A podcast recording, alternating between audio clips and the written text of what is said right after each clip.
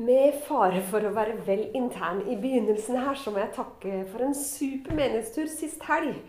To av, 200 av dere var med på en fantastisk helg der vi både lo og vi gråt så tårene trilla. Og vi, jeg syns vi har masse å takke for.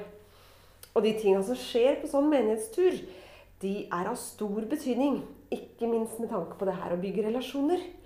Både mellom barna, og mellom ungdommene og mellom de voksne. Eh, men særlig det her med å bygge relasjoner på tvers av de ulike aldrene. På tvers av de ulike generasjonene. I høst så har vi her i Skien misjonskirke hatt om innflytelse. Om hva du kan bety for de som er rundt deg.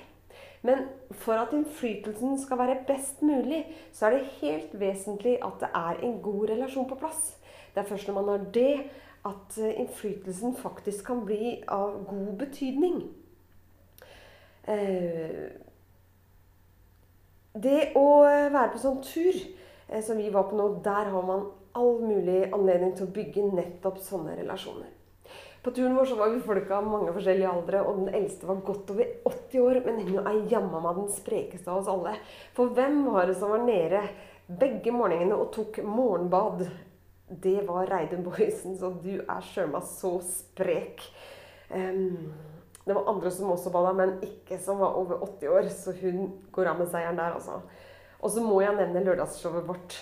Eh, vi hadde mye å le av. Mange som var i døtten, og det var kjempestas.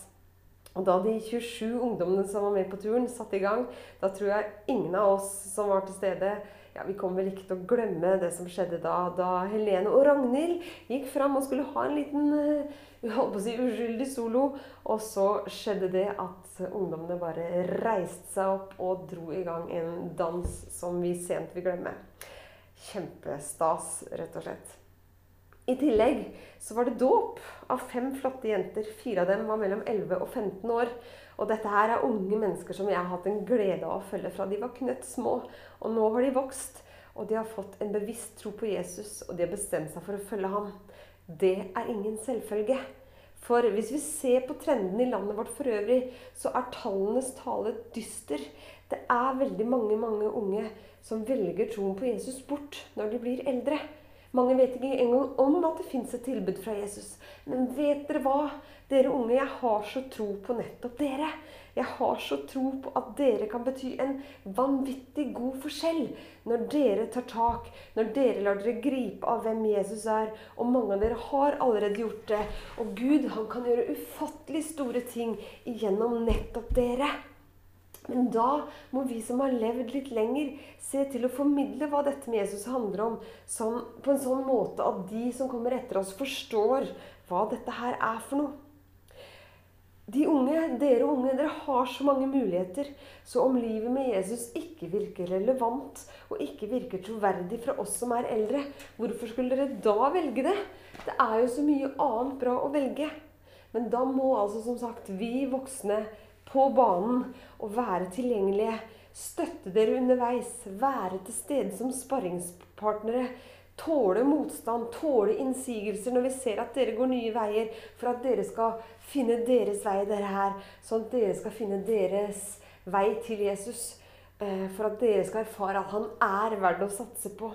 Og så kan det hende at du er her og ikke aner hva vi som tror på Jesus, tror på. Vi ikke skjønner helt hva det er vi holder på med. Men vi har faktisk oppdaga, og vi tror på for fullt, at Gud sendte sin egen sønn Jesus. At han døde for oss, at han sto opp igjen. Og Det er derfor det er så viktig for oss å få formidla det. Fordi vi tror at det er Gud selv som talte til oss gjennom Jesus. Og da vil vi så at dere som kommer etter, skal finne ut av dette her. For oss som er voksne, så kan dere unge fortone seg som noe veldig ukjent. Dere kan fortone dere som om dere lever i en helt annen virkelighet enn oss. Og på mange måter gjør dere det. Og det kan også føre til at det blir litt sånn skille mellom oss. At ikke vi helt har denne gode relasjonen på plass. For det kan føles som om dere lever i en annen verden. Dere har en annen måte å være på enn det vi hadde. Dere har ofte helt andre grenser. Det ser ut at det gjelder helt andre regler for dere enn det gjorde for oss. Dere er på en måte innfødte i en digital tidsalder, mens vi i beste fall er immigranter. Det er som om dere bor i et land langt borte. Selv om vi egentlig tilhører den samme slekta, menneskeslekta.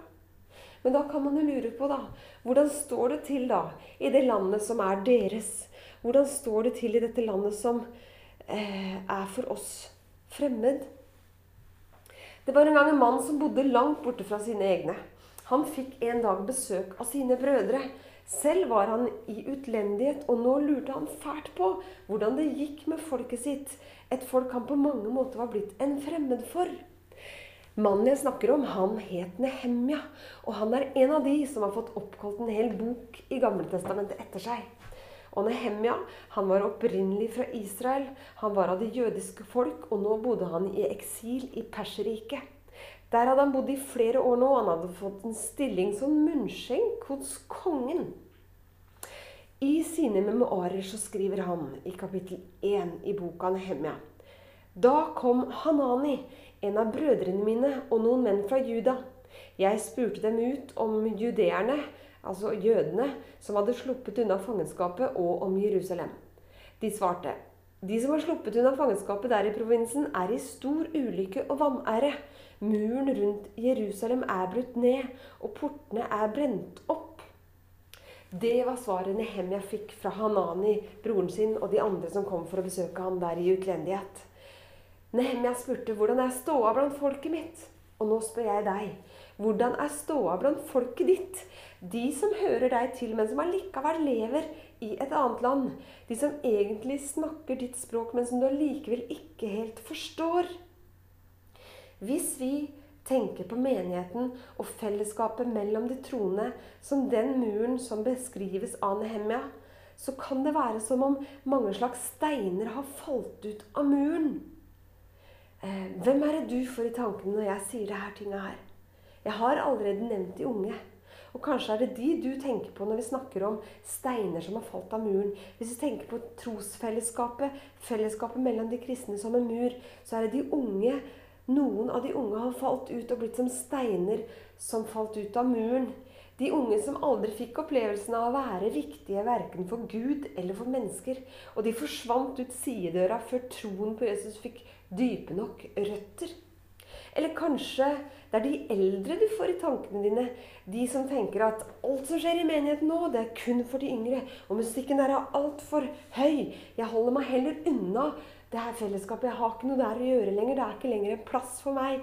Du blir borte fra fellesskapet, og vi får en stein som faller ut av muren. Eller kanskje du tenker på 50 pluss-generasjon. De som trengte å hvile etter flere aktive år, men som aldri kom seg ut av hvilemodus. Og som ikke har ork til å bety noe for de som kommer etter. Og det blir et hull i muren. Du blir som en stein som faller ut. Murer, biter av muren, blir borte på den måten her. Og når det skjer, så får det konsekvenser. Muren blir ustø. Menighetsfellesskapet blir ikke lenger så helt som det kunne ha vært. Og man får ikke lenger vært noe for de som kommer etter oss heller. Sannheten er at mange av de vi har rundt oss, ja faktisk de fleste i byen vår, de har valgt troen på Jesus bort. Og du er her kanskje til og med i dag. Ja, du har kanskje hørt om både Gud og Jesus, og du har kanskje til og med nettopp blitt flaska opp i det. Men så var det noe med måten det hele blei formidla på som gjorde at det blei irrelevant. Det handla liksom ikke om det virkelige livet. Og dermed så blei du borte fra fellesskapet. Eller du kom aldri inn i det. Og du har blitt som en stein som har falt ut av muren. Muren har slått sprekker. Da jeg hørte dette, så satte jeg meg ned og gråt. Jeg sørget i flere dager. Jeg fastet og ba til himmelens Gud, skriver Nehemja. Kunne like så godt vært sagt om oss. Nehemja kjente ikke de som bodde i Jerusalem. Likevel ble hjertet hans knust over det han hørte. Hvordan reagerer du på realiteten om de av ditt folk som du ikke kjenner? Hvordan reagerer du på de mange som forlater troen, og som forlater menigheten på et eller annet tidspunkt i livet. Eller de mange som aldri i det hele tatt har fått høre om ham engang. Fører det til at du setter deg ned og gråter? Skaper det en nød i ditt hjerte? Jeg håper det, for det er til å grine av. Nehemja gråt, og den nøden han kjente, den dreiv han inn i bønnen. Hvor skulle han ellers gå? Og han minner Gud om hvilke løfter Gud har gitt. Han går i forbønn for folket sitt, og han ber Gud, hold løftene dine. Gi folket den byen med den muren rundt som du har lovt. Nehemja kjente på en nød. Hjertet hans ble knust, og han gråt. Og han begynte å be. Jeg må spørre deg, hva er det som knuser ditt hjerte? Hva er det som får deg til å gråte? Hva er det som får deg til å bli så rørt på dypet at du ikke kan annet enn å rope til himmelens Gud? Er det de unge kristne som sklir unna? Eller kanskje er det de unge foreldrene som ikke klarer å leve sammen lenger? Eller kanskje er det flyktningens situasjon i vår egen by, i vårt eget land? Kanskje er det barna i Skien som trenger fosterhjem? Eller kanskje er det jordklodens klimatilstand? Eller kanskje er det den helt vanlige naboen som bor rett over gata, men som ikke har hørt om Jesus? Vet du hva? Det er makt i de knuste hjerter, for de får oss på kne. De får oss til å begynne å be. De får oss til å rope til Gud. Hva knuser ditt hjerte? Da Nehemja ba, så fikk han altså idé om hva han kunne gjøre med det som knuste hans hjerte. Forbønnen hans skaper noe i han selv. Og forbønnen hans snur. For fra nå så begynner han å be om at de planene han da får en idé om, at de må lykkes. Han sier, 'Å Gud, la meg lykkes, og la meg finne La, la, la det her skje, så at det går, går bra i det jeg får planer om å gjøre.' For han begynner å få en idé om at han kan oppsøke kongen. Og han ber om at kongen skal eh, ta ham vel imot når han kommer til ham. Og etterpå at han har bedt ferdig, så skriver Nehemia i kapittel 1, vers 1, så skriver han 'Jeg var kongens munnskjenk da dette hendte'. Og, og, da jeg leste det her i starten, så tenkte jeg 'Hæ? Hvorfor putter du inn det her med at jeg var kongens munnskjenk?' Hva har det med saken å gjøre, liksom? Eh, det ser så malplassert ut. Men det er som om Nehemia gjennom bønnen sin ser løsningen. Han er jo kongens munnskjenk. Han har jo kontakter gjennom jobben som kan hjelpe ham med å gjøre noe med muren i Jerusalem. Hvilken rolle har du? Hvem er det du kjenner som kan være på en måte slags brohode eller linken imellom det du brenner for, det som knuser hjertet ditt, og den posisjonen du faktisk kanskje du gjør noe med det? Eller altså som er en link da, mellom posisjonen Nei, mellom det du vil gjøre, og den nøden du har. Hva er linken? Hvilken rolle har du som kan være den linken? Mellom det som knuser ditt hjerte, og det du kan gjøre med det. Finn ut av hva som slår ditt hjerte til å slå litt ekstra. Og finn så ut hvilke kontakter eller posisjoner du har som gjør at du kan gjøre noe med det. Denne serien vår som vi altså starter i dag, som heter Side ved side, skal, der skal vi gå gjennom de sju første kapitlene i Nehemjas historie i, i Nehemja-boken i Gamletestamentet. Og Det er en fascinerende historie. Vi skal se på hvordan han får folket sitt å jobbe side ved side. Eh, og vi skal se på, måten, eh, på den måten som gjør Altså på måten han tar tak i det som får ham på kne i fortvilelse. Og det ender med at muren som da lå nede, blir bygd opp igjen på rekordtid. Det skal vi se på de neste sju ukene her i SMK. Og vi skal se litt på hva det har å si for oss. For noen år siden så var det noen som kom og fortalte meg om en stein som, fall, som var falt ut av muren. Og jeg hørte om at godt over halvparten av de som vokser opp i kristne hjem, de velger bort Jesus når de blir voksne.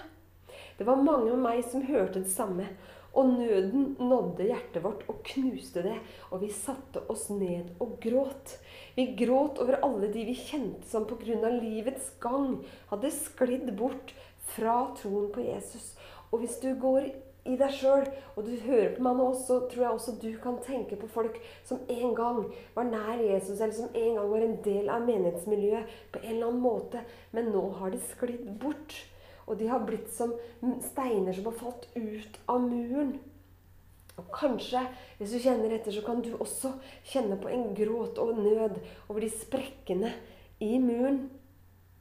Men da jeg kjente på det her for noen år tilbake, og de med meg kjente på det her for noen år tilbake, så kom håpet gjennom tårene.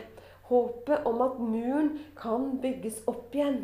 Og vi begynte så smått å gå i gang med å tette muren. Blant annet så begynte vi å tette muren og bygge muren opp igjen ved det som har blitt hete levende, hetende levende tro. Det er blitt et verktøy i Misjonsforbundet og også flere steder i både i vårt eget land og i andre land. Der det levende tro er blitt et verktøy for å utruste deg og meg til å ha en levende tro på Jesus i hverdagen vår. En levende tro som vi deler med de vi har rundt oss.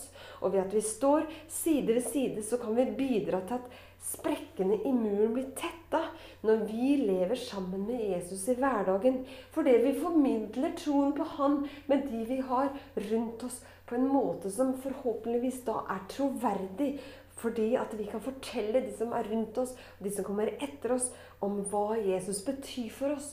Og det gjør noe. Det får innflytelse i folks liv. Det gjør en forskjell i folks liv. Men dere, det er fortsatt sprekker. Mange sprekker, og vi trenger å si det til flere. Muren rundt Jerusalem har slått sprekker, og portene har brent opp. Hører du det? Muren har slått sprekker. Min bønn for denne talen er at ditt hjerte skal knuses. At du skal få en nød som bringer deg til et sted, deg til et sted der du ikke kan annet enn å gråte og be til Gud, rope til Gud. Der du ser hva din rolle er i dette, og hvordan du kan bruke nettopp din posisjon til å være det som skal til for å tette ett eller flere hull i denne muren. Så hva er det da som knuser ditt hjerte? Kanskje du sitter her og ikke kjenner på noe som helst, så får hjertet ditt å slå litt fortere. Kanskje ikke du har noen nød. Du kjenner ikke gråten presse på. Men da har jeg lyst til å utfordre deg til å be Gud om å gi deg noe av sin nød, for hva det nå enn er. For det er mer enn nok å jobbe for. Det er mer enn nok av steiner å få på plass igjen. Jeg nevnte turen vår sist helg. Og en av de tinga som skjedde der, var at vi ble utfordret til å våge å tenke stort. Til å si ja til Guds invitasjon. Og jeg har lyst til å utfordre deg igjen og ta opp tråden fra det. Våger du å omfavne den byrden Gud har lagt på, eller har, altså den byrden Gud har lagt på deg, eller legger på deg, den byrden som Gud gir deg i dag, eller har allerede har gitt deg. Jeg har lyst til å si, si ja til den invitasjonen. Våger du det? Det kan bety uendelig mye mer enn du aner. I vår menighet så har vi tre uttalte verdier, og den ene er utadvendt. Og i det begrepet ligger at vi ønsker å være til for flere enn oss selv. Vi ønsker at både vi som organisasjon og som enkeltindivider skal kunne bety en forskjell for byen vår, som vi er en del av. Sagt på en annen måte vi ønsker at vi alle kan være med å tette sprekkene i muren. Du kan være en del av noens historie. Også dem som ikke du helt forstår. Også dem som du føler nesten bor i et annet land enn deg selv. Det handler om å gjøre seg selv tilgjengelig. Det at Nehemja var nedbrutt og knust, var en del av Guds design. Det var Guds invitasjon til Nehemja, og Nehemja svarte ja. Og Gud han brukte det til å bygge opp muren rundt sitt folk igjen. Mange var det som så alvoret i flyktningkatastrofen nylig, og mange var det som kjente på en nød i hjertet, og de sa ja til invitasjonen. Mange av dem trodde ikke på Gud engang, men jeg er sikker på at det var hans invitasjon de sa ja til. Fordi Gud vil at mennesker skal bety noe for noen andre. Eh, det at noen våga å si ja, noen svarte ja på den nøden de kjente i hjertet sitt, det ble starten på den største dugnaden blant flyktninger Norge har sett på veldig, veldig lenge. Eh, det er én måte dette kan se ut på. Men det er mange måter det her kan se ut. Eh, så da vil jeg spørre igjen hva er din brann? Hva får ditt hjerte til å knuse? Hva er det som gjør at ikke de kan annet enn å sette deg ned og gråte? Jeg vil utfordre deg til å la det bli noe Gud bruker, og som han kan bygge opp muren sin igjen på. At det kan bli måten nettopp du tar tak i det her på. Vi ber om det i Jesu navn. Og kjære Jesus, nå har jeg lyst til å be om det. At du skal gi din nød til folka som hører på dette. At du skal legge din nød i hjertene på folk. At vi skal la vårt hjerte knuses av det som knuser ditt hjerte. Sånn at vi kan bety en forskjell der vi er. Sånn at vi kan la den nøden du legger i oss, bli det som får oss til å brenne litt ekstra. Så at vi eh, lar de, det bli det som får oss i gang, og, og si ja til det du har for oss, Herre Jesus. Jeg ber om det i ditt navn. Amen.